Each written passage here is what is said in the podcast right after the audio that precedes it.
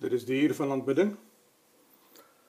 En ek vra vir u dat u u hoofde sal buig en vir oomblik stil raak terwyl ons die Here uitnooi om teenwoordig te wees by ons erediens. Dierbare koning Jesus, ons het gekom by die aanbiddingsuur waar ons voor u aangesig verskyn. Here, u het ons opgeroep om elke Sabbat bymekaar te kom.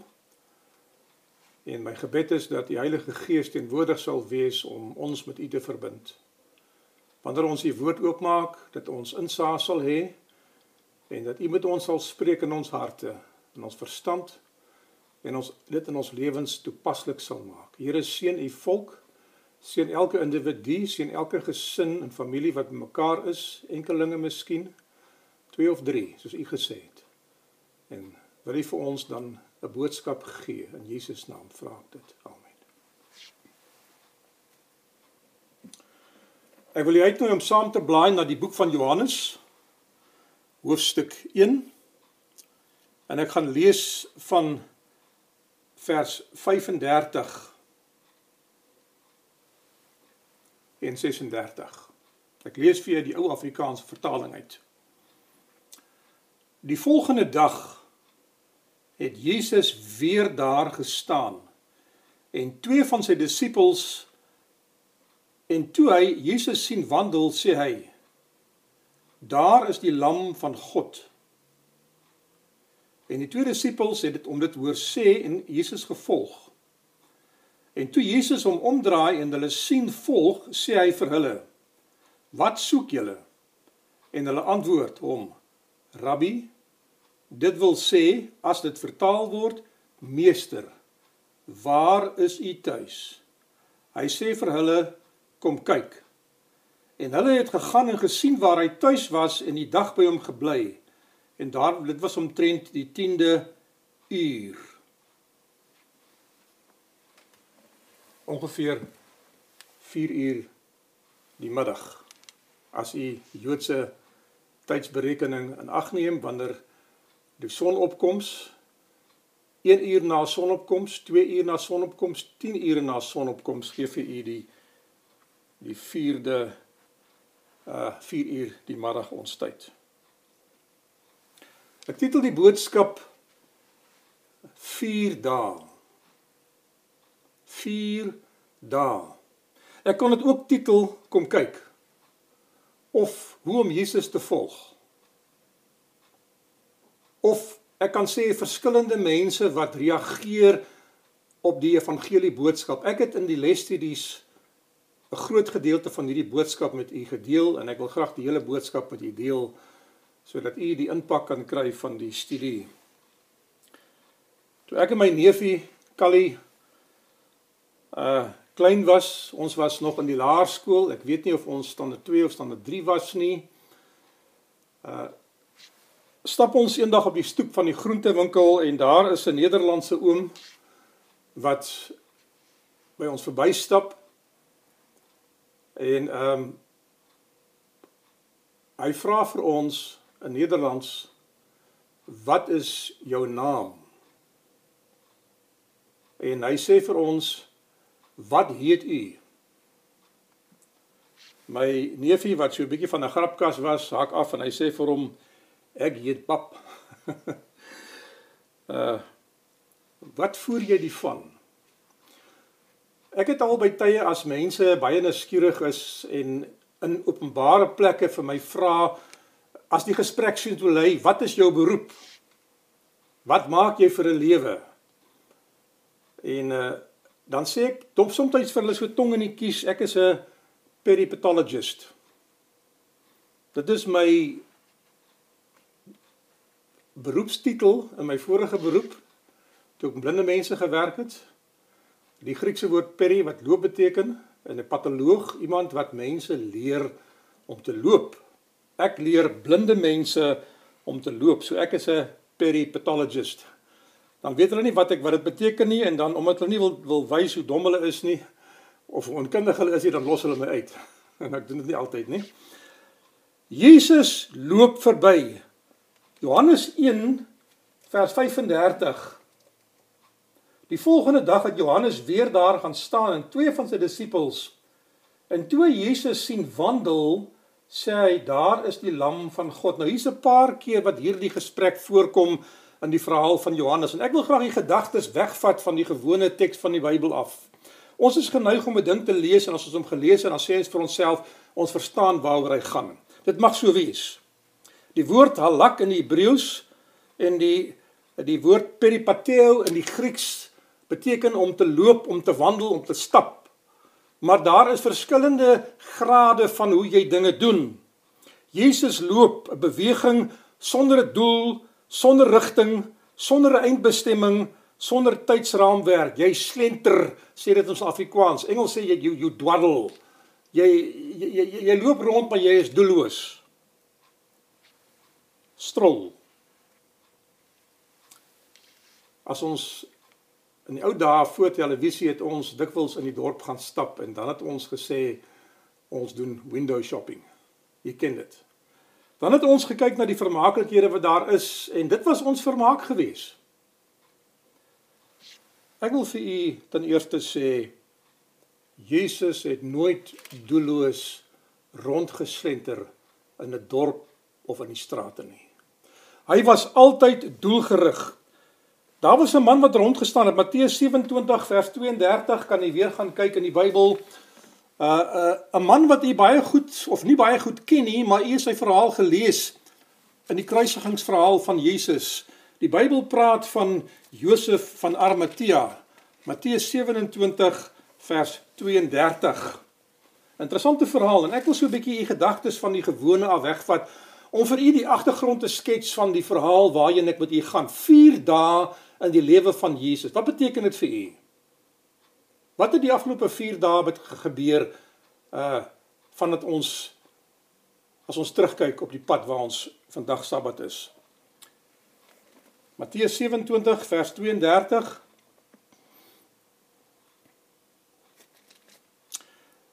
Dit is die kruisigings hoofstuk.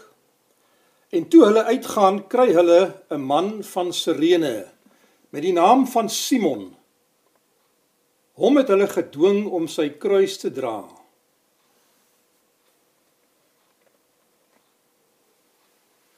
Is dit is dit 'n interessante verhaal vir u? Lees die agtergrond. Ek wil vir u baie keer sê u moet gaan na die boek Koning van die Eeue toe. Jesus was op pad na Golgotha gewees. Sy laaste reis in die week vooraf gegaan Hy het sy aangesig gedraai sê die boek Lukas na Jerusalem na vervolging toe. Hy het sy amptelike werk gestaak. Hy het gegaan en hy sê vir die disippels 5 maal in die verhaal ek gaan na Jerusalem toe om te gaan sterwe en hulle verstaan dit nie en hulle sê vir hom dan gaan ons saam om ook te sterwe. Maar dit was nie 'n droom gewees nie. Hulle het nog planne gemaak langs die pad om om posisies te hê. En die Here vra vir hulle Uh koning van die eeue maak melding daarvan die Bybel sê dit nie. Dit sê toe hulle in Jerusalem aankom toe vra die Here vir hulle Wat het julle gepraat daar toe julle agter my gestap het? Maar hulle is stil. En toe hulle in Jerusalem kom, toe kom Johannes en Jakobus na vore en hulle sê vir hom: "Wil u gee dat ons aan die linker en regterkant kan sit?" Hulle was besig om hulle posisies in die kabinet te bespreek. Ons het toe ons verwys was, het ons Sabbatmara was ons tradisionele dis uh macaroni en kaas gewees. En my ma het 'n manier gehad om bietjie olie in die macaroni in te gooi en dan het daardie bak aan die kante so bietjie harder en bruiner gebak. So as 'n mens die gewone kos uitgeskep het, bly daar die aanbrandsel daar aan die bak aan. En ons het baie keer 2, 3 weke voor die tyd gesê dit is my beurt om die bak te kry as hy klaar leeg geëet is. Ons het ge gewetywer om daai bak te kry. Die disippels wetywer onder mekaar oor die posisies wat hulle gaan vervul in die koninkryk van God. Dit is so 'n ambisie wat u koester in die kerk van die Here. Ek wil vir u sê dat die Here sal bepaal watter plek u gaan inneem. En afhangende van die diensbaarheid en afhangende van die opoffering wat u doen, sal u 'n hogere of 'n laere pos beklee as daar so iets is. Terwyl die Bybel sê dat die Here is nie 'n aannemer van persoon nie. Agtergrond. 'n Man met die naam van Simon van Sirene, 'n toeskouer. Ek lees uit die verhaal in Koning van die Eeue dat daar was mense wat rondom die Here was. Daar was die verbygangers, mense wat op pad ergens heen was en 'n oomblik gestop het om te kyk wat aan die gang is. Dan was daar mense wat raadslede was wat gekyk het dat hierdie opdrag van Pilatus uitgevoer word en Jesus inderdaad doodgemaak word. Dat hy nie ontsnap of, of weggevoer word deur die disippels nie. Daar was die rowers gewees.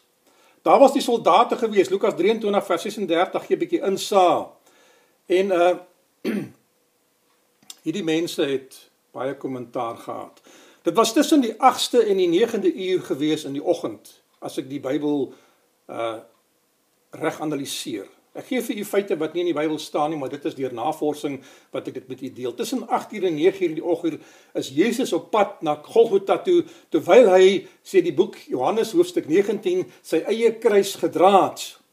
En toe hulle uitgaan kry hulle 'n man van Sirene, 'n stad naby Libië waar hy gewoon het. Nou die koning van die eeue sê dat hierdie man se seuns was disippels van Jesus, volgelinge by naam. Maar hierdie man het nie in Jesus geglo nie. Hy het daar verbygegaan op pad om sy besigheid te gaan doen en hulle was reeds buitekant die mure van die stad gewees en toe hy simpatie betoon oor die hardhandige manier waarop Jesus behandel was en hy 'n omstander was wat naby genoeg was dat hulle dit kon hoor, het hulle hom gegryp en gesê nou maar kom jy en kom dra sy kruis. Ek wil vir u vra, het u betrokke geraak by die evangelie boodskap omdat u simpatie gehad het met die mensdom van die wêreld. Ek het uh, ek is lief om te sê en ek gaan dit aanhou sê vir u. Ek glo in my hart en ek ek ek maak so afleiding uit die gawe van profesie dat Jesus mense gebruik ook na gelang van hulle persoonlikheid, na gelang van hulle temperament. As u 'n temperament en 'n persoonlikheid het wat aanvanklik by mense is, kan die Here vir u soveel meer gebruik as wat u miskien 'n stuurse mens is of teruggetrokke is soos ek is en uh nie dikwels vorentoe staan as dinge gevra word om gedoen te word nie. Hierdie man toon simpatie en hulle maak hom betrokke. Het u betrokke geraak by die werk van die Here omdat u hart deur God nader getrek was? Hulle is op pad na Golgotha. Jesus dra sy kruis en die verslag van die Bybel in die verskillende verhale van Matteus, Markus en Lukas en Johannes sê dat Jesus het 3 keer onder die gewig van die kruis gestruikel en geval. Dan was hy geslaan gewees, gespot gewees en gedwing om op te staan. En toe hy die derde keer geval het, kon hy die kruis nie meer dra nie. Hy was 40 dae uh uh hy was hy was van daardie vorige dag af was hy die heel dag en die heel nag in gebed gewees. En uh toe sy in die verhoor van Annas in die hof van Kajafas, toe sy na Pilatus toe, toe sy na Herodes toe, toe sy terug na Pilatus toe en toe sy op pad Golgotha toe. So 'n dag en 'n nag het verloop. En Jesus was swak geweest, hy het nie voedsel ingeneem nie. Die druk van sonde was op hom geweest en die mens Christus kon die kruis nie meer verder dra nie. En hulle gryp vir Simon om die kruis te dra. 'n Man wat nie deel is van die proses wat plaasvind nie. Is u onbetrokke by die evangelie boodskap of by die verkondiging van die evangelie? Dat u net naby genoeg staan om te kan 'n woord uiter van simpatie en die Here vir u sê kom nader nie betrokke by Jesus se saak nie. Jammer oor die leed, jammer oor die bloed, jammer oor die gewig, jammer oor die wreedheid van die Romeine en natuurlik in sy hart so 'n bietjie kultuur trots om te sien hoe sy sy sy nageslag mishandel word. Hy was eintlik nie 'n Jood gewees nie. Hy was 'n uitlander gewees eintlik, vermoed ons. Hulle gryp hom en hulle dwing hom om sy kruis te dra en die koning van die eeue sê dat daardie gebeurtenis het die lewe van Simon van Sirene vir ewig verander. En hy word 'n volgeling van Jesus na die kruis.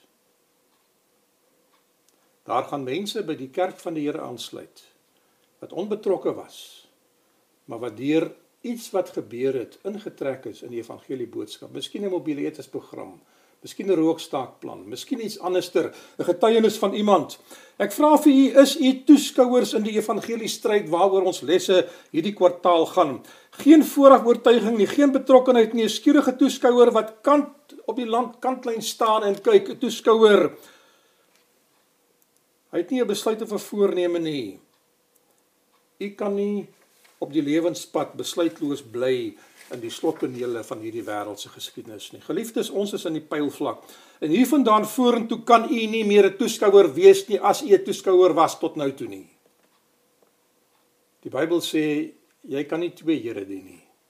Want jy sal of die een aanhang en die ander een verag, of jy sal die een lief hê en die ander een verlaat.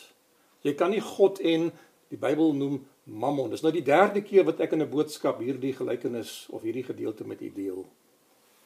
Miskien is daar 'n rede voor. Miskien is daar iemand wat luister na my wat weerskante van die twee paaie waar dit split nog steeds beweeg en nog nie besluit het om links of regs te gaan nie. Geliefdes, die tyd loop uit. Geen doel. Wag vir 'n uitnodiging. Wag vir leierskap, geen rigting nie. Wag vir 'n plan geen geld, geen geleentheid om dinge te doen nie. Het 'n opinie, maar is nie oortuig daarvan nie. Geliefdes, wat is die dinge wat u vorentoe stoot in hierdie tyd? Reisgenoot, 'n metgesel, gaan saam met iemand. Met Markus 15 vers 12 is 'n verhaal wat u ook ken wat ek ook al gedeel het by een of ander boodskap. En uh, ek wil graag daar gaan die verhaal van twee manne wat op reis is van Jerusalem na Emmaus. Dit is na die kruisiging plaasgevind het en die Bybel sê vir ons dat 'n vreemdeling sluit by hierdie mense aan. Markus 15 vers 12 sê vir ons eenvoudig hierso en toe antwoord Goed, ek het hier 'n teks geskrywe wat verkeerd is. Goed, dis nie die regte teks nie. Ek gaan dit nie nou soek nie. Ehm um, u kan dit gaan soek. Ek gaan die verhaal met u parafraseer. Ek maak soms sulke foute. 'n Metgesel sluit by twee manne aan wat in gesprek is oor die gebeure wat tans in Jerusalem plaasgevind het. Geen doel, 'n sosiale vriendskap. Nou ek wil eerstens vir u sê dat Jesus het nooit net by mense aangesluit sonder 'n doel nie. As hy met iemand 'n gesprek begin het, het daardie gesprek gelei in rigting van daardie persoon se siel en die ewige lewe. Deel iemand anders se doel. Hulle gee die pas aan. Hy stop as hulle stop, hy loop as hulle loop. Hy is die een wat by hulle aangesluit het en hy hy vereenselwig hom met hulle omstandighede. 'n Baie belangrike les in evangelisasie. Iemand iemand dalk saam met mense gaan stap en teen hulle pas loop en wanneer hulle sit gaan sit en wanneer hulle opstaan opstaan. Sodat hulle kan identifiseer met u. Jy jy jy bring nie die evangelie boodskap aan mense met wie jy nie identifiseer nie. Die les vir ons gesê soveel keer hulle maak 'n besluit. Hulle dra die kostes. Jy is betrokke maar jy is ook 'n metgesel. Dit is hulle reis dit is hulle doel dit is hulle bestemming Jy deel hulle reis, jy gaan jou pad. As hulle afdraai, gaan jy aangaan. Jy gaan aan as jy wil. Jy's nie gebind nie, jy's nie betrokke nie. Ja, jy is deel van die vreugde. Jy stap. Jy ervaar die hitte en die uitputting, maar jy is 'n metgesel. Jesus het met hulle begin praat. Hy het vir hulle die profete uitgelê. Hy het vir hulle gevra, "Waarom is julle so droefgeestig?" En toe maak die Heilige Gees hulle hart en hulle verstand oop en hulle verstaan. En Jesus maak of hy gaan aanstap en hulle nooi hom uit deur gasvryheid. As hulle dit nie gedoen het nie, sou hulle nooit geweet het wie hy was nie. Want hulle is opgewonde oor wat hierdie man vir hulle sê dat Jesus is die een wat die Messias moet wees. En toe Jesus gevra was om te bid by die tafel, sê die Bybel het hy sy hande opgelig en die seëngebed gemaak soos hy gewoonlik was. En toe sien hulle die merke aan sy hande en aan sy hoofraak wat genees was, maar nog daar was as littekens wat nooit weer sal weggaan nie. Waaruit 'n lig skyn sê die gawe van profesie. En toe verdwyn Jesus voor hulle oë. Geliefde toehoorder, is u 'n metgesel van iemand wat as die tyd kom dat u u pad sal vat Ek wil dit vir u so stel as deel van hierdie boodskap vanmôre dat u is nooit net 'n metgesel van mense nie. Daar is altyd 'n doel. U moet die redmiddel soos in die les vir ons gesê was op elke persoon probeer toepas met wie u in kontak kom. En ek weet ek praat met myself ook en ons doen dit nie altyd nie. Daar staan jy wat ek vir die Here gesê het, Here, ek het 'n kans laat verbygaan. Geef vir my weer 'n kans. Geef vir my weer 'n kans. Dat ek daardie persoon weer ontmoet. Daar is raakpunte in die lewe waar u vir 'n oomblik die lewens van mense vir ewig kan draai in 'n rigting. En as ons daardie daardie insaam mis, as die Heilige Gees nie deur ons kan werk en ons verstand kan verlig en verhelder, dat ons kan besef hierdie is 'n goddelike oomblik nie, gaan daardie oomblik verbygaan en ons gaan dit ons gaan nie 'n verlies ly nie, maar daardie persoon gaan dalk. Mans en vrouens in die kerk. Genesis 33 vers 14 gaan na die Ou Testament toe.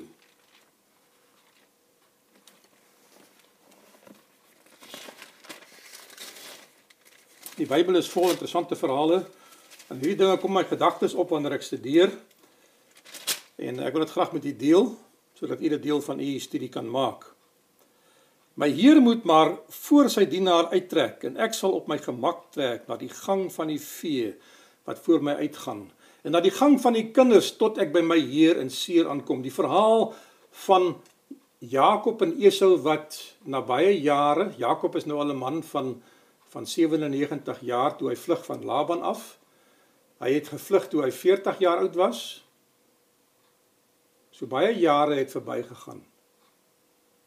37 jaar as ek so vinnig tel. Nou sê Esau vir hom Ek gaan my soldate saam met jou stuur en hulle gaan saam met jou trek om jou te beskerm. Terug na die land Kanaan toe, terug na Pa se huis toe. Maar Jakob sê vir hom dankie, maar nee dankie. Ons trek teen 'n stadiger pas. Jy gaan vinniger en eintlik wil hy nie vir Esau daar tussen hom hê nie.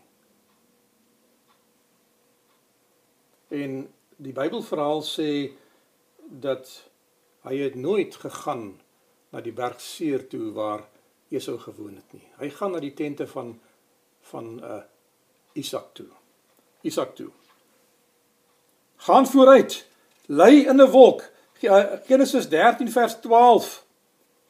Die Here maak 'n pad voor hulle oop. Geliefdes, hier is dinge van voorbeelde waar die Here voor mense uittrek. Het u al vir die Here gevra Ek weet nie wat vandag gaan gebeur op my lewenspad nie, maar ek wil hê dat U voor my moet uittrek en vir my die pad moet berei voor my uit. Genesis 13 vers 12.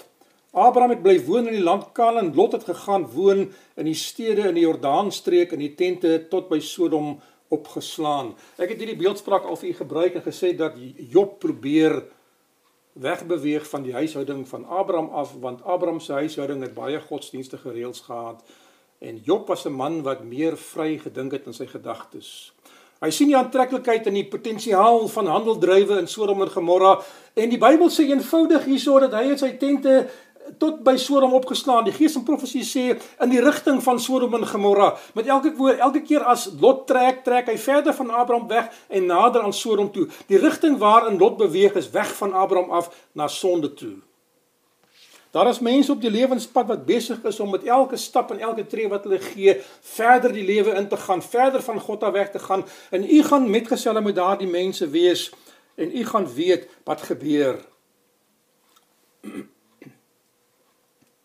Mense wat die las van die werk saamdra, wat die verantwoordelikheid dra. Jesaja 43 vers 1 sê die Here 'n baie belangrike teks in hierdie tyd en uh, ek wonder hoeveel keer het ek al hierdie teks met mense gedeel in die afgelope 100 dae wat verby is en dit word nou al meer as dit so ek gaan moet ophou om dit te gebruik want dit word nou meer as dit. Ons gaan nou in die tweede fase in geliefdes in die laaste helfte van hierdie jaar in binnekort.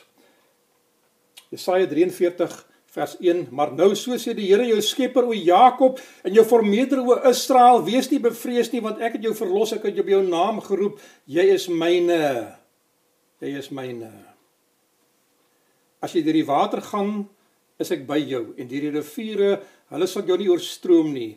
En jy gaan deur vuur gaan, sal dit jou nie skroei nie en die vlam sal jou nie brand nie, want ek is die Here. Onthou die beeldspraak in Hebreëus. Afrikaans klink dit heeltemal normaal. Ek is die Here. Die Here ek is. Die ek is die naam, die naam van God wat hy gegee het aan Moses in Egipte later aan. Ek is.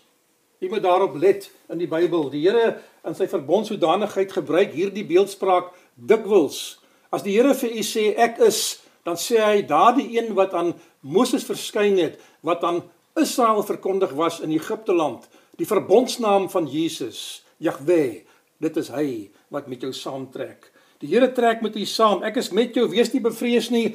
Die water sien nie stroom nie, die vee sien nie skroei nie. Geliefdes, daar is mense wat rond staan en onbetrokke is. Die Here kan hulle nader trek om betrokke te maak. Daar is mense wat loop sonder 'n doel, sonder rigting, sonder 'n bestemming. Miskien sal iemand by hulle aansluit en hulle rigting gee. Daar is iemand wat 'n metgesel is van 'n ander reisgenoot. As u al, miskien baie van u het by hierdie waarheid aangesluit omdat u reisgenote geword het van mense wat op pad was met 'n doel en omdat u by hulle aangesluit het en saam met hulle 'n pad gereis het, het u besluit om met hulle die pad tot die einde toe vol te voltooi. Ek weet van baie mense wat as gevolg van hulle aanraking met mense deur 'n uh, gebeurtenis wat plaasgevind het, besluit het om die pad verder saam met hulle te gaan en nie die rigting waarin hulle gegaan het voor te sit nie. Die vierde een, 'n metgesel deel in die stryd. Jakob en Esau wat saamtrek. Daar is nie 'n tydsvolgorde en kronologie in die boeke Matteus, Markus, Lukas en Johannes nie, kom ek agter in die Bybel. 'n Bepaalde tyd, 'n bepaalde tyd. Daniël 9, toe Jesus in die jaar 27 30 jaar oud was. Onthou die 4 jaar berekeningsfout in die in die Juliaanse kalender. Ons moet nog 4 jaar bytel om by te kom eintlik. Jesus was in die jaar 27 gedoop, maar hy was 30 jaar oud toe hy sy bediening begin het, soos koning Dawid ook. Ek wil 'n stapie verder gaan. Ek wil nie daarop wys dat die Bybel baie duidelik is dat die profetiese oorlosie in die hemel het die tyd aangedui want Daniël hoofstuk 9 sê toe die volheid van die tyd gekom het, het 'n vors gebore was. En in die helfte van die week sal slagoffer en spysoffer ophou. Die 70 jaar profesie wat gevolg is deur die 70 maal 7 jaar, die 490 jaar van genade tyd van die Joodse volk. U is bekend met daardie profesie. As u nie is nie, kan ons vir u met daardie studie deel een of ander tyd sodat u kan bewus wees daarvan. Jesus herken die horlosie van tyd en die Heilige Gees sê vir hom: "Pak jou gereedskap op in die skynwerkerswinkel van Josef." En die Heilige Gees sê die Bybel dryf hom uit in die woestyn in. Hy gaan om gedoop te word by Johannes die Doper by die Jordaan en daarvandaan gaan hy in om sy werk te gaan oorpyns en om deur die duiwel versoek te word lei ons af in die Bybel. Jesus erken die stem van die Heilige Gees. Geliefdes, daar gaan 'n tyd kom wat die Here vir u waar u is gaan sê, laat staan jou werk en hy gaan vir u begin vorentoe stoot sodat u kan betrokke raak by die laaste slottonele van die wêreldse geskiedenis en die laaste tog wat u gaan aanpak op die lewenspad. Ons gaan ernstig ons gereedskap moet neersit en die finale stryd moet aanvat en die Heilige Gees gaan vir u vorentoe begin druk en as u daardie stem nie weerstaan nie, sal u begin beweeg saam met God, want hy het u reeds in 'n leerskool geplaas wat u voorberei het om dit te kan kry. Jesus reageer. Hy kom vir die begin vir die aanvang van sy missie.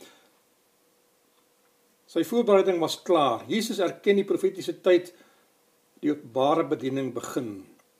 Hy het nie na die Jordaanrivier toe gedrentel nie. Hy het vasberade gestap. Hy het nie by die Jordaanrivier rondgestaan en gekyk wat gebeur nie. Hy het ingestap in die water waar Johannes die Doper was en gesê dat hy gedoop moet word. En Johannes was die neefie van Jesus gewees. Hulle was nie aan mekaar bekend deur enige iets nie. Uh, die die boekie koning van die eeue sê vir my dat die voorsienigheid van God hou vir Johannes weg van Jesus af in sy vormingsjare, sy kinderjare. Johannes was 6 maande ouer as Jesus gewees.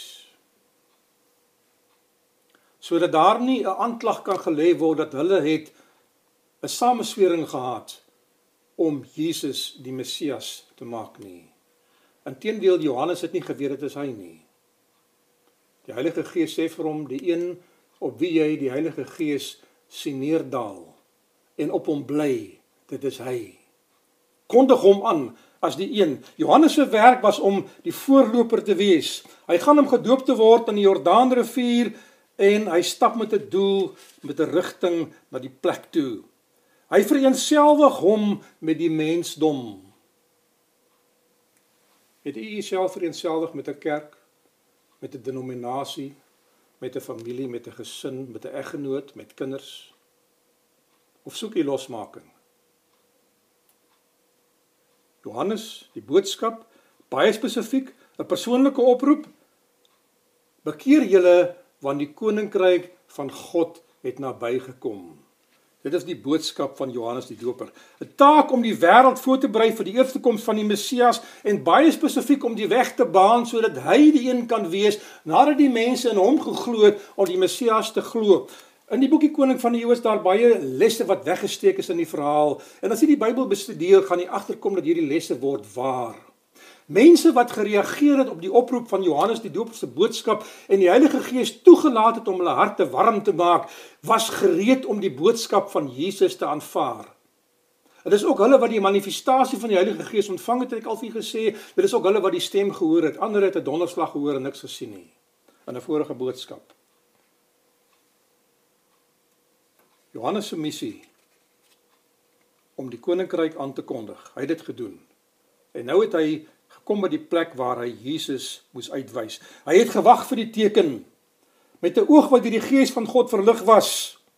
Het Johannes die Doper die karakter van mense bestudeer, lees ek in Koning van die Eeue, om te sien op watter wyse hy die boodskap na hulle kan bring. Dit is 'n evangelisasieles. Hy het gebid sodat die Heilige Gees vir hom moet wys wat hy moet doen om mense na Christus te lei want geen twee mense dieselfde nie. 'n Tweede rede daarvoor was gewees dat daar het mense kom staan by die Jordaanrivier wat spioene was, wat hom wou aankla, wat daar was met met met bedoelings wat nie goed was nie. En die Heilige Gees wys vir Johannes hierdie mense is nie eerlik en opreg nie. Hy sê vir hulle ander geslag, wie het vir julle aangewys om te vlug vir die toren wat aan die kom is?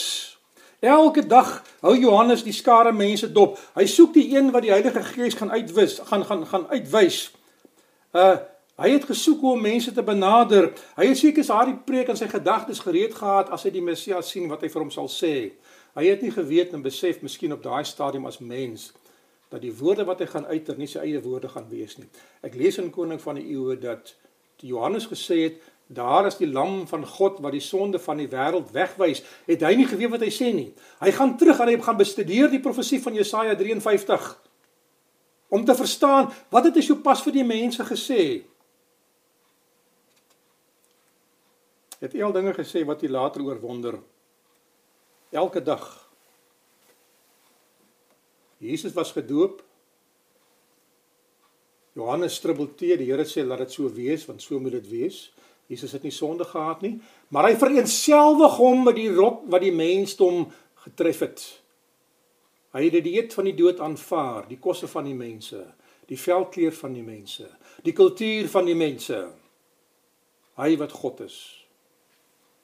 En toe stap hy die wildernis in. Die eerste dag is die dag toe Johannes vir Jesus gedoop het. Nou het 40 dae verbygegaan. 40 dae van geen voedsel nie. Die verskil tussen Moses en Elia en Johannes, ag in Jesus, was dit gewees. Terwyl Moses op die berg was vir 40 dae en nie geëet het nie, het God hom bonatuurlik aan die lewe gehou.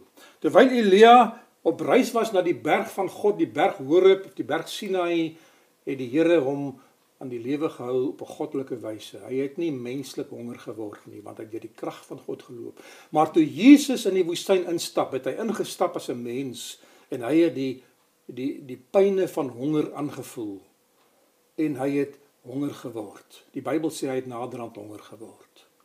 Hy was besig om homself toe te wy aan sy Vader se oproep Na die doop kom hy terug uit die wildernis uit. Hy het sy sending gaan oorpyns. Hy het afsondering gaan soek. Hy het gegaan om versterk te word vir die taak wat voor hom lê. Gemeenskap met sy Vader te hou. As ek en ek, ek weet ek gaan nou 'n ding sê wat nou gaan snaaks klink. As ek geweet het ek het 3 en 'n half jaar om my werk te doen, soos Jesus geweet het want hy kon die boek Hebreërs hoofstuk 12 sê vir die vir die hy vir die vreugde wat hom voorgehou is en dat die skande verag en die kruis verduur hy sien die pad wat hy gaan loop nog voor hy dit besluit het en hy kies dit so hy het geweet wat kom vir hom Jesus het nie teruggeduins vir daardie werk nie. Maar as ek geweet het dat ek vir 3 en 'n half jaar deur die ergste versoeking van Satan sal gaan, sal ek daarom maar voorberei soos nooit van tevore nie. Die afgelope tyd in hierdie afkampingstydperk het ek feitelik in elke boodskap vir u gesê en vir myself gesê. Ons gaan na die vreeslikste tyd toe wat die Bybel nog ooit voorspel het vir enige mens wat ooit geleef het. Is ons daarvoor gereed? En ek kan nie daardie vraag vir u antwoord nie. Moet ons nie ook miskien in 'n vas in 'n bid sessie ingaan waar ons ons lewens ondersoek en skoonmaak van alles wat ons van God kan skei nie sodat Satan geen hou vas op ons kan kry. Die Here sê vir hulle die die die, die wêreld kom en hy het aan my niks nie. Hy sê vir ons in beeldspraak dat daar is niks wat die wêreld op die Satan kan wys en sê in hierdie gebied van jou lewe heers ek oor jou lewe nie. En ek is jammer ek kan nie dieselfde sê nie. Daar is nog dinge waar ek dink die duiwel en sonde oor my heers en ek is nog nie volkome vry nie.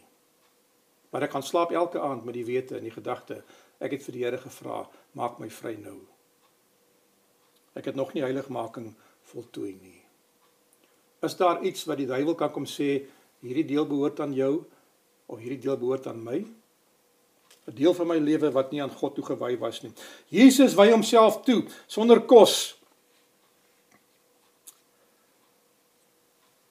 Toe die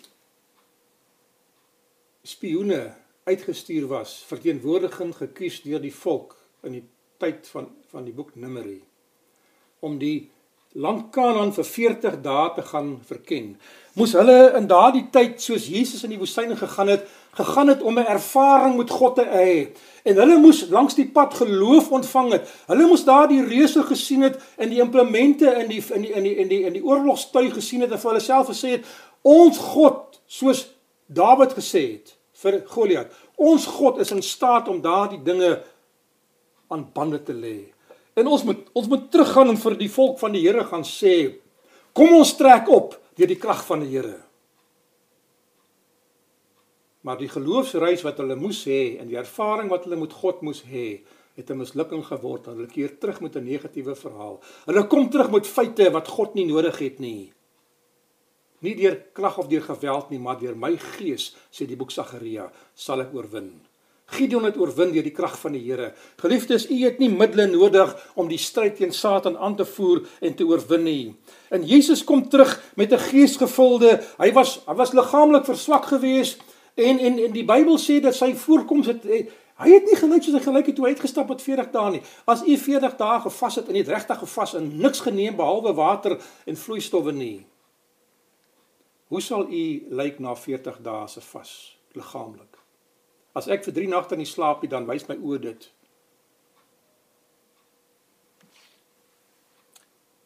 Hy keer terug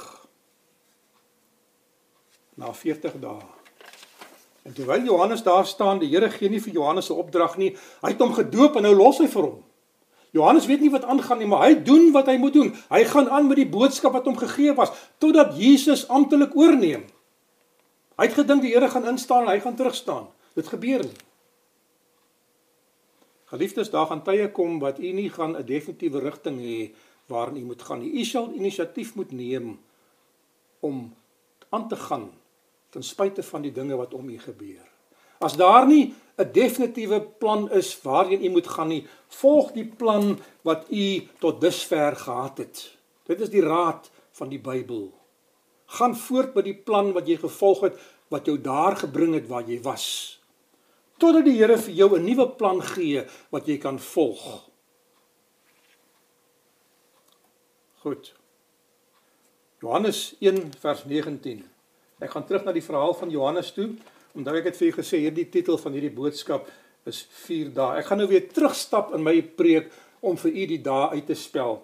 Johannes 1 vers 19 sê vir ons hierso die eerste dag, dag En dit is die getuienis van Johannes toe die Jode uit Jerusalem priesters en leviete gestuur het om te vra wie is u? En hy het erken en nie ontken nie, maar het erken ek is nie die Christus nie. En toe vra hulle vir hom, "Wat dan is u?" Elia en hy sê ek is nie, ek is is u die profeet Hy antwoord nee. Toe sê hulle vir hom: "Wie is u dat ons antwoord kan gee aan die wat ons gestuur het? Wat sê u van uself?" Hy antwoord: "Ek is die stem van een wat roep in die woestyn: Maak die pad reguit soos Jesaja gesê het." En nou gaan die verhaal aan en daardie selfde dag, daardie selfde dag, nadat hy daardie vraag geantwoord het, Dit het gebeur in Batabara oorkant die Jordaan vers 28 waar Johannes besig was om te doop. Die volgende dag sien Johannes Jesus na hom toe kom en hy sê daar is die lam van God wat die sonde van die wêreld wegneem. Ek gee nie vir u 4 dae wat op mekaar volg soos Maandag, Dinsdag, Woensdag en Donderdag nie. Ek gee vir u 4 dae wat uitgehaal is, afgebaken is in die lewe van Christus. Die dag toe hy gedoop is, was dag nommer 1. Die dag toe hy terugkeer 40 dae later is dag nommer 2. En in dag nommer 2 sê Jesus hierso of Johannes vers 29, die volgende dag, die volgende dag van Johannes, maar nie die volgende dag van Jesus nie. 40 dae later sien Johannes Jesus na hom toe kom en hy sê daar is die lam van God wat die sonde van die wêreld wegneem. En nou vertel Johannes in sy verhaal die doopverhaal wat al klaar verby is in die verhaal vir ons. Moenie die kronologie van die Bybel vir u dat weer mekaar maak nie. Priesters en leviete, kerkleiers kom na Johannes toe toe. Hulle is oortuig van sy boodskap, die Messias kom, die koninkryk kom. Hulle hulle daar's 'n toeloop van mense in 'n leegloop van die sinagoges. Hier is die rede waarom hulle kom. Moenie dink dat mense die kerke van die wêreld of die wêreld as hulle nie in 'n kerk sal verlaat om by die kerk van die Here aan te sluit sonder dat die Satan 'n reaksie sal hê nie. Hy gaan reageer. Hy gaan mense stuur om te kom kyk, hoekom is die kerke leeg? Die oorloop van mense, die leegloop van die sinagoge is. Wie is jy? Preek jy oor jouself? Waar wanneer is hy wanneer hy kom? Onthou die dooppreek. Hulle wil weet, die volk wil weet, Maar Johannes het self gewonder. Wat gaan gebeur? Wat gaan gebeur? Hy het hom uitgewys. Wat nou? Hy moet nou die leierskap oorneem. Dis soos koning Dawid. Die Bybel sê dat dat dat Dawid is in die midde van sy broers gesalf. Die gawe van profesie sê dat daardie teks word verkeerd verstaan in Hebreëse taal. Hy is uit die seuns van Isaia gekies, maar die die salwingsplegtigheid was 'n privaat plegtigheid waar sy broers en sy pa nie by was nie. Met ander woorde, hulle het nie geweet dat dat Dawid gesalf was as koning van Israel nie. En nou gaan Samuel weg. Hy verdwyn van die toneel af. Ons hoor nie weer van hom behalwe met 'n geleentheid nie. Hy gee vir Dawid geen instruksie nie. Hy sê nie vir hom wanneer gaan dinge gebeur nie. En vandat die ouderdom van 17 jaar af tot 30 jaar is Dawid besig met 'n opleidingsskool en 'n proses waar die Here hom in plekke instoot en vorentoe stoot en in die weermag van Saul sit en die hof van Saul sit om te sien wat hy moet doen en wat hy nie moet doen nie, sodat wanneer hy die troon uiteindelik sou bestyg, hy daarvoor opgelei en gereed was. Maar al daardie jare verloop wat Dawid wonder, wanneer sal die salwing waarmee ek gesalf is van krag word? Geliefdes, die Here mag u reeds gesalf het vir 'n werk maar u het nog nie daardie werk in aanvang geneem nie. Jesus moes 30 jaar wag voordat hy kon begin met sy openbare bediening. Maar hy was die seun van God van die begin af gewees, met 'n rigting, met 'n doel, met 'n missie, soos wat Johannes die Doper met een doel gebore was, in antwoord op die gebed van Sagaria en Elisabet.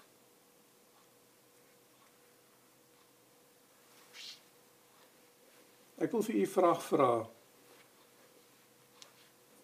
Die predikante was nou vir meer as 100 dae nie meer in die kerke gewees nie. Wat het u gedoen in daardie tyd? Wat gebeur met Israel toe Moses vir 40 dae verdwyn?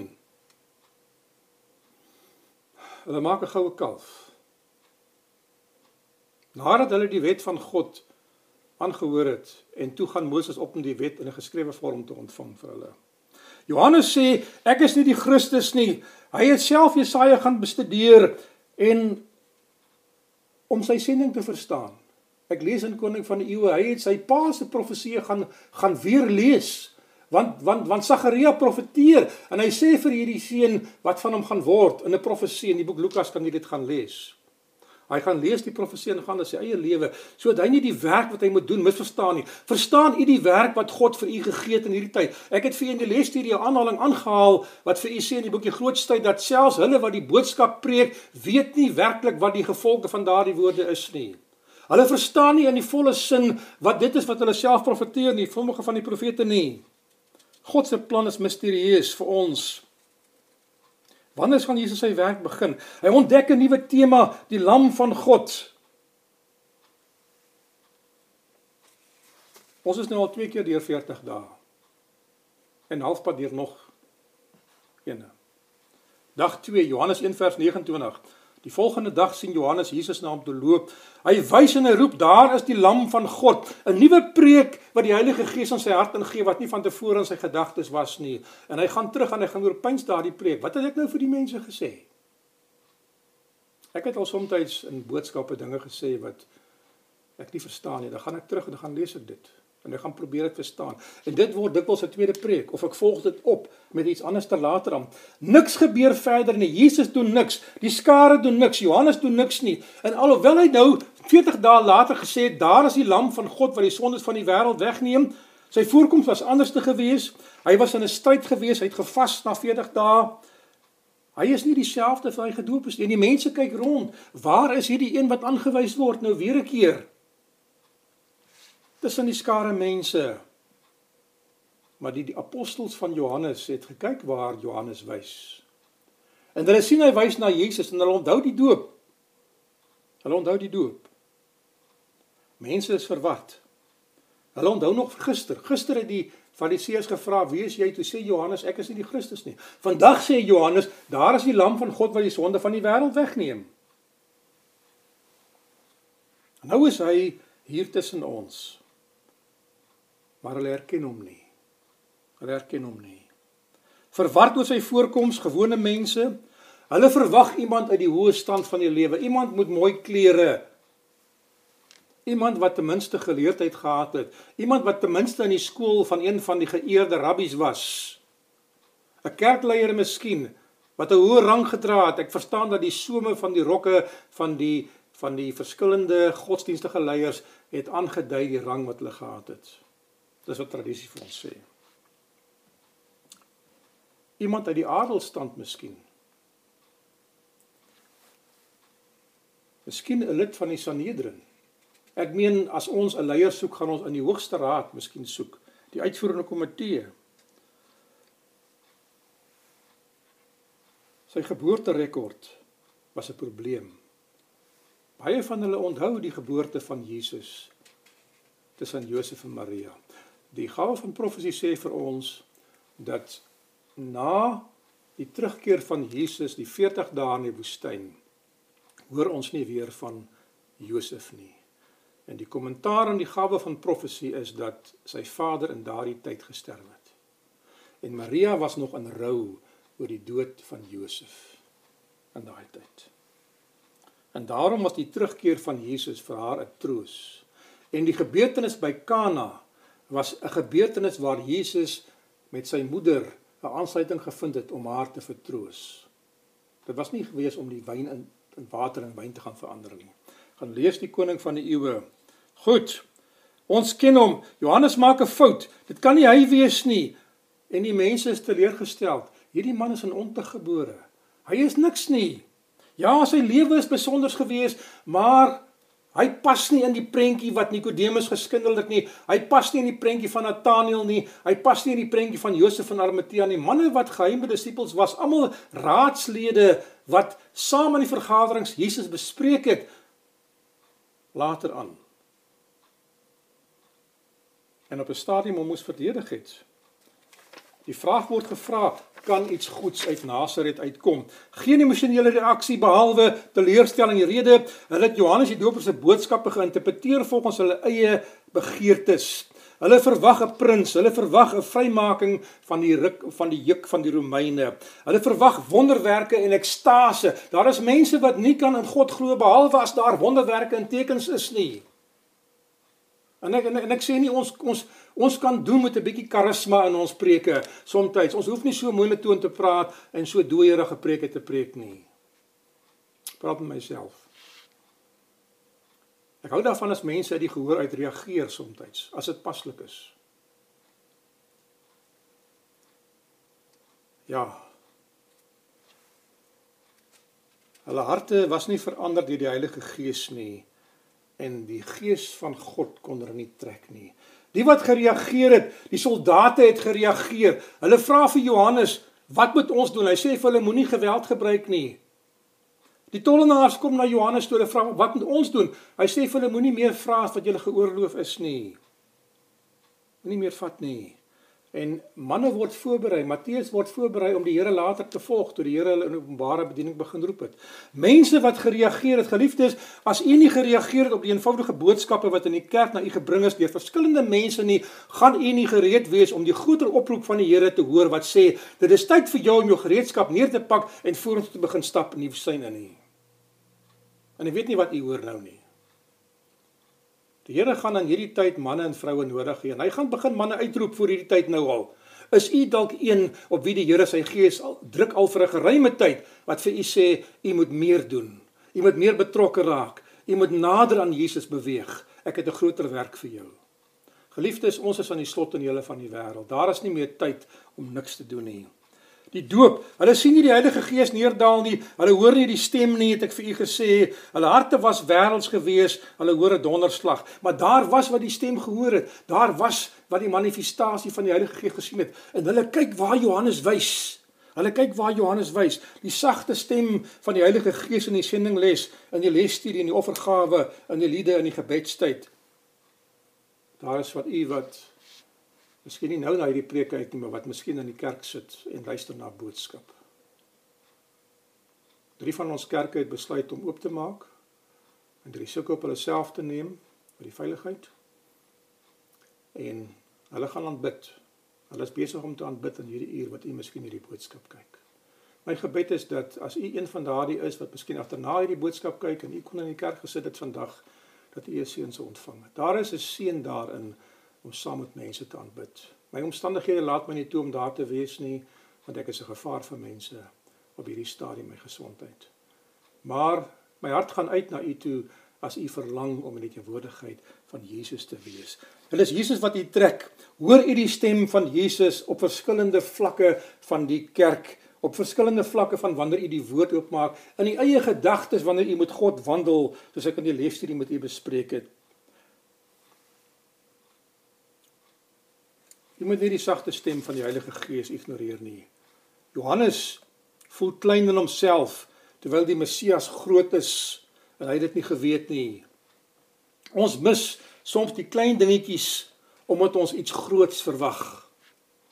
U moet nie wag vir die uitstorting van die laatreëns nie. U moet nou reageer. As u nou reageer, sal u die uitstorting van die laatreëns kan sien. As u nie nou reageer nie, sal u nie die uitstorting van die laatreëns ontvang nie. U moet die vroeë reën ontvang om die laatreën te kan ontvang. As jy die vroeë reën nie ontvang het nie en weer wedergeboorte gegaan het nie, gaan u en ek die laatreën mis. As die middelreën gekom het en u het nie gegroei en vrug gedra nie, gaan daar nie vrug wees om ryp te maak in die laatreën nie. As hulle Johannes verwerp, het hulle die Messias verwerp en hulle het dit nie besef nie. Hulle moes Johannes se boodskap aanvaar om Jesus te kan sien. Net so 'n voetnota.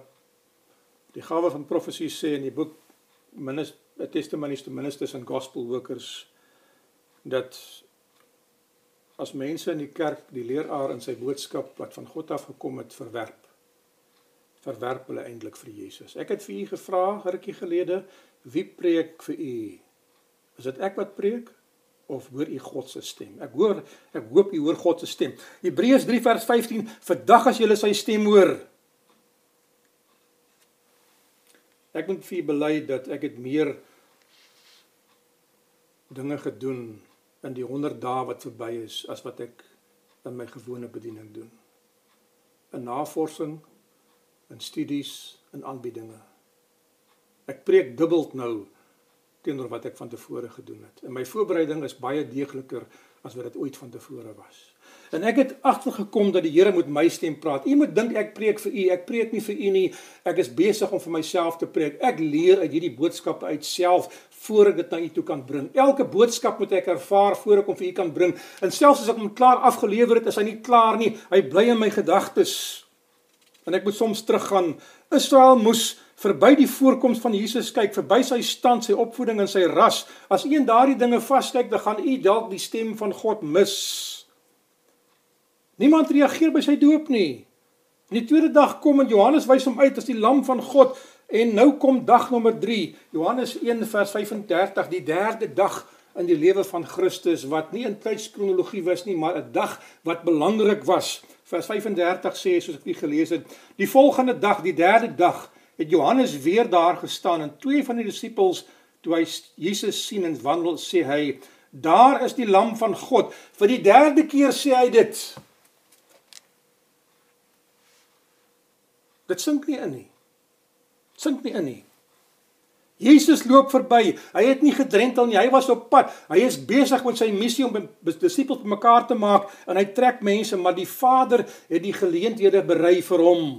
Johannes sê weer daar is die lam. Twee disippels reageer, Johannes en Andreas. Hulle harte was gereed. Hulle wag in afwagting. Hulle verander. Hulle hulle was reg om te verander. Johannes die Doper het nie gesê gaan na hom toe nie. Hy het hulle nie gestuur na die nuwe leraar toe nie. Die Heilige Gees beweeg die geliefdes, u kan mense na die Here toe stuur. Ja. U kan vir mense inligting gee. Ja. Maar as God se Gees hulle nie trek nie en nie aansluiting vind by hulle nie, gaan u werk en my werk te vergees wag. Hulle het geglo, hulle het gereageer. Om net te glo is nie genoeg nie. U moet ook reageer. U moet die reageer deel verstaan van wat u moet doen.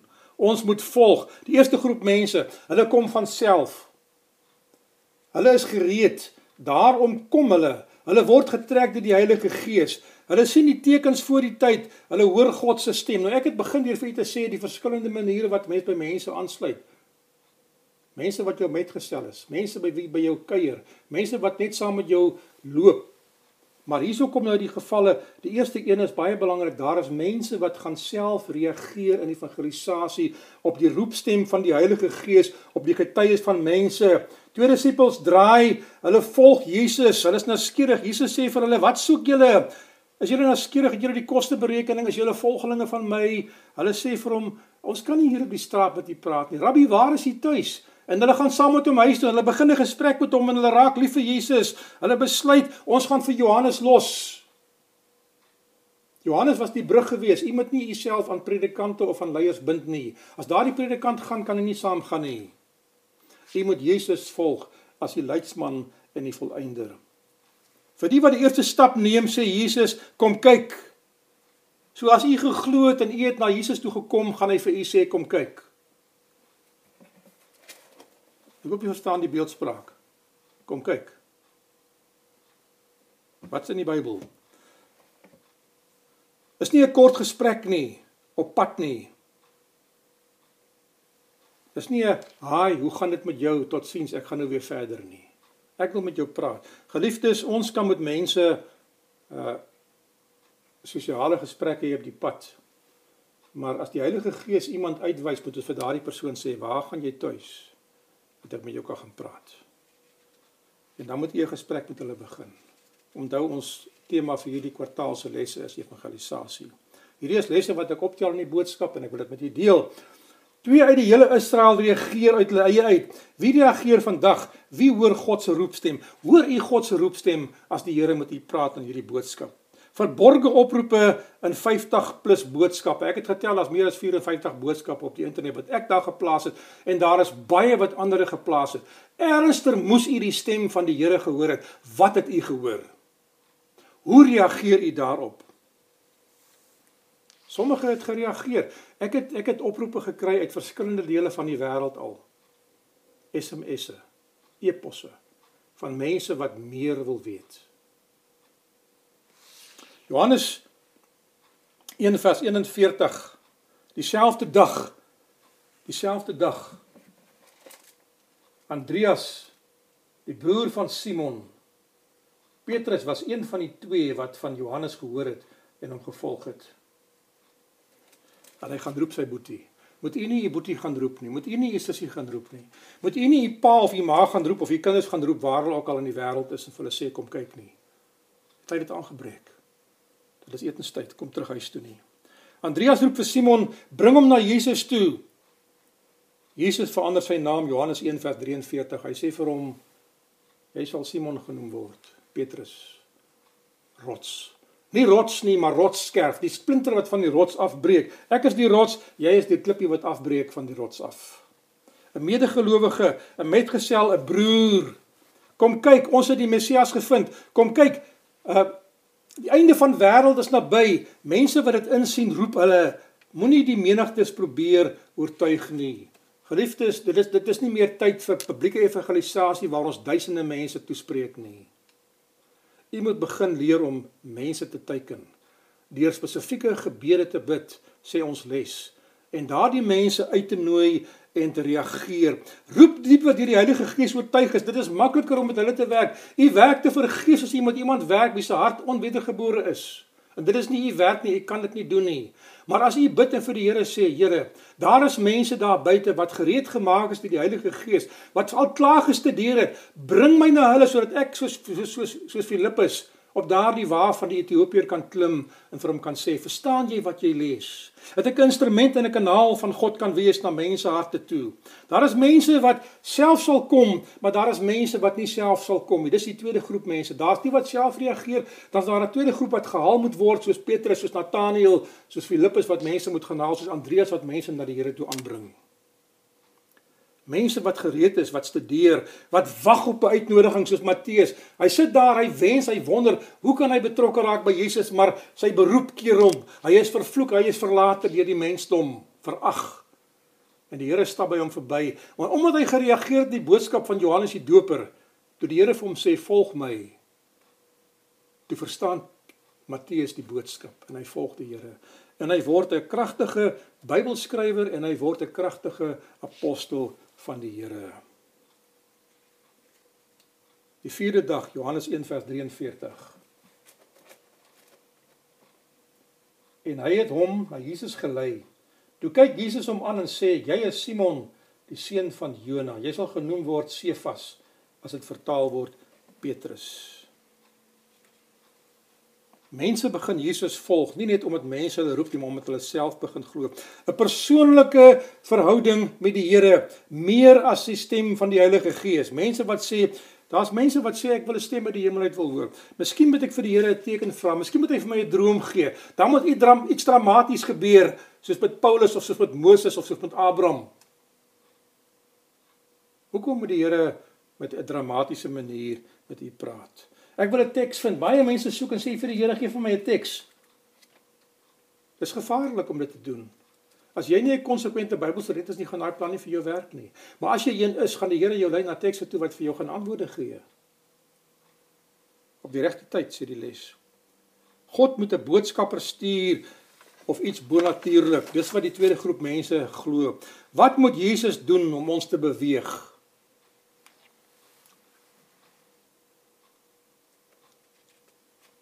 Moses was 40 jaar in die woestyn van Midian. Sy hart het geklop vir die dinge van God, maar die Here moes hom terugvat. Ek het al mense ontmoet wat deur 3 of 4 evangelisasieveldtoe gegaan het en nie 'n besluit gemaak het nie. Maar toe die tyd reg is, toe maak hulle 'n besluit vir Jesus. Mense wat nie die wêreld wil prys gee nie, mense wat 'n ekstra oortuiging benodig het. Filippus moet Nathanael gaan roep. Nathanael hoor en sien wie Jesus uitgewys is. Hy is een van die van die 70 van die Joodse raad. Hy glo in Johannes.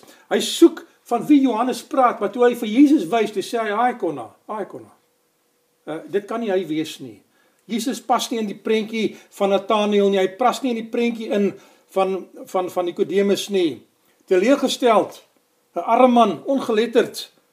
Soos ek vir net nou gesê het, En, en hy bid oor die boodskap oor wie hy soek. Hy sê vir die Here, Here, soos Gideon gesê het in die vorige boodskap, is dit die Messias wat moet kom? En terwyl hy bid, terwyl hy bid, toe kom die antwoord. Filippus kom na hom toe sê vir hom, ons het die Messias gevind. En hy bring vir Nathanael na die Here toe.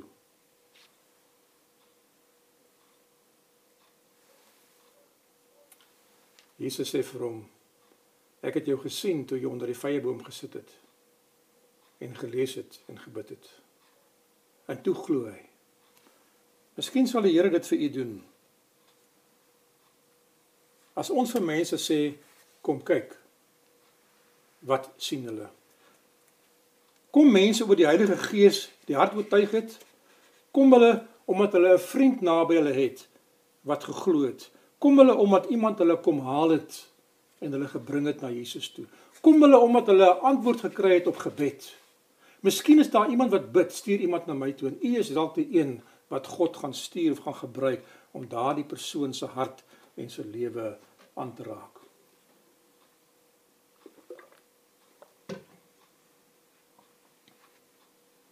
Nie almal sal die eerste keer reageer nie. Bid vir hulle. Bid vooruit vir hulle. Mense sal ons glo as hulle God in ons lewens sien. Nie net kennis het nie, maar ons getuienis het ons vir u gesê in die lesstudie die afgelope tyd.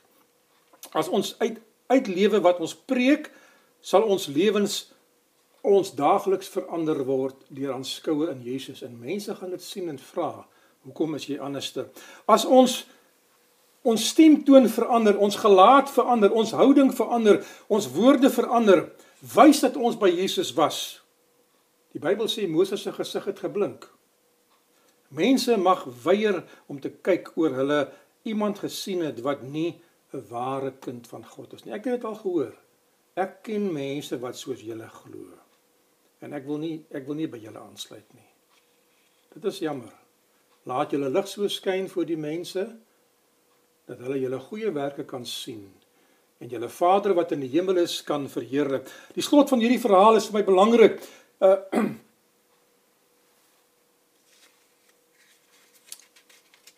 in die kerk is daar mense wat rond staan waar dinge gebeur. Gaan die Here hulle intrek. Daar is mense in Lukas 13 vers 26 en dis 'n teks wat ek wat ek wat ek baie van hou. Lukas 13 vers 26. Dit dit, dit beskryf 'n sekere groep mense.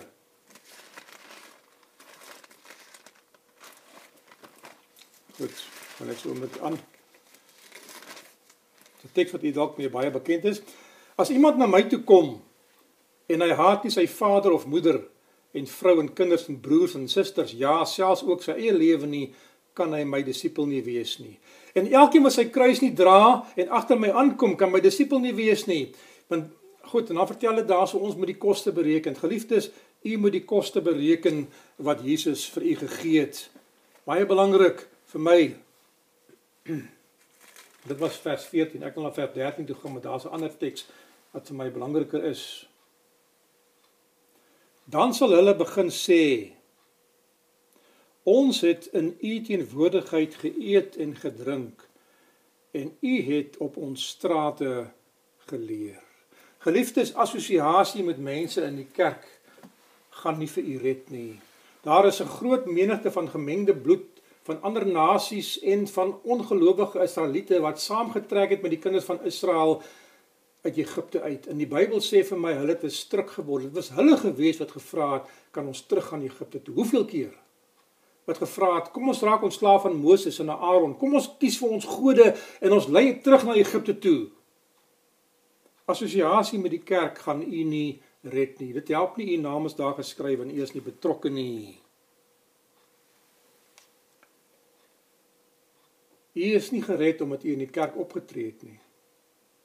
Matteus 7:21 Maar baie sal in daardie dag vir my sê, het ons nie in u naam gepreek in u naam geprofeteer en in u naam duiwels uitgedryf en ek kan byvoeg in tale gepraat en mense gesond gemaak as dit dan vir u pas.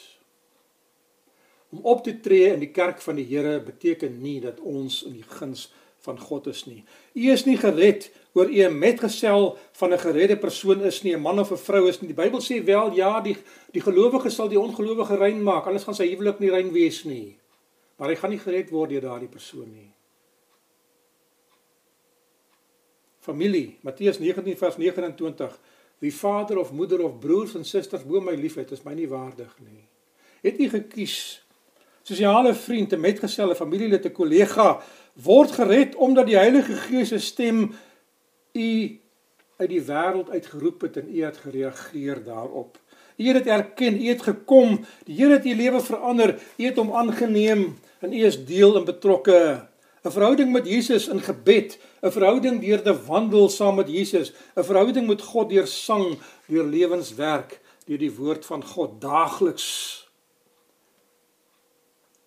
Dan gaan ons ook soos die Emmausgangers kan sê, het ons harte nie in ons gebrand toe hy met ons gepraat het nie. Brand u hart oor die dinge van die Here of het u koud geword? Geliefdes, moenie rond staan in die kerk nie. Moenie rondslenter nie. Loop doelgerig in 'n rigting en miskien gaan die Heilige Gees u begin vorentoe stoot nou en sê pak jou werkies op en begin met die finale deel van jou lewe wat jy moet aanpak aan die slotterjele van die wêreld. Berei daarvoor voor. As jy voorberei is, maak ander mense gereed. Hoe weet u watter rol gaan u speel in daardie tyd? Ek weet nie watter rol gaan ek speel as ek nog leef miskien nie. Ek moet vir enigiets gereed wees. Bring 'n vriend saam. Bring 'n vriend saam. Vra vir hom waar hy tuis. Besoek hom en praat met hom. Ek dink aan die lied wat sê ek sal volg getroue heiland waar u my ook al mag lei. Mag die Here vir u seën dat u aanbidding met die Here op die Sabbatdag kosbaar sal wees. En dat die naprediker die Heilige Gees in hierdie boodskap met u harte sal praat. Bid saam met my. Dierbare koning Jesus, ek het baie jare gelede gevoel u trek my uit die dinge uit wat ek graag wil doen na iets toe wat ek nie wou doen nie. En omdat ek daardie stem gehoorsaam het, het U my in 'n sekere rigting begin stoot vorentoe. Maar daar was tye wat ek 'n ander pad geloop het en ek het vir 'n baie lang tydperk, vir amper 7 jaar, 'n ander pad gaan loop in die wêreld. Toe het ek weer teruggekom om dit my teruggeroep het. Here, ek voel nog steeds dat dit nie die hoogste roeping in my lewe is nie. En ek weet daar is mense wat voor my sit wat wat vir U vra, Here, wat kan ek doen? Wat moet ek doen? Moet ek my werk bedank? U sê nie vir hulle om hulle werk te bedank nie, Here. U sê vir hulle raak betrokke by my en ek sal jou vorentoe stoot wanneer die tyd reg is en jou voorberei om in die slottonele van hierdie wêreld 'n baie spesiale werk te verrig. Here, ek bid vir ons gemeentes wat wel aanbidding gaan hê hierdie Sabbat dat U vir hulle sal seën, dat U hulle sal veilig bewaar. Dat die ervaring met Jesus saam vir hulle kostelik sal wees. En dat hulle U hand nie sal los in hierdie tyd nie. Here seën die wat by die huis is en wat nie bevoorreg is om te kan kerk toe gaan op hierdie stadium nie weens baie redes. Wil U vir ons elkeen 'n seën uitdeel in hierdie Sabbature. In Jesus naam vra ek dit nou. En mag nou die genade van ons Here Jesus Christus, die liefde van God die Vader en die soete gemeenskap van die Heilige Gees met u wesen bly van nou af tot in alle ewigheid. Amen. Geliefdes, mag die Here vir u seën, mag die Here vir u kosbaar wees. Hoe jy ook al die Sabbature die res van die dag sal deurbring, dat dit in die teenwoordigheid van God sal wees en dat jy ook sal rus en saam met die familie kan verkeer tot ons mekaar weer sien. Amen.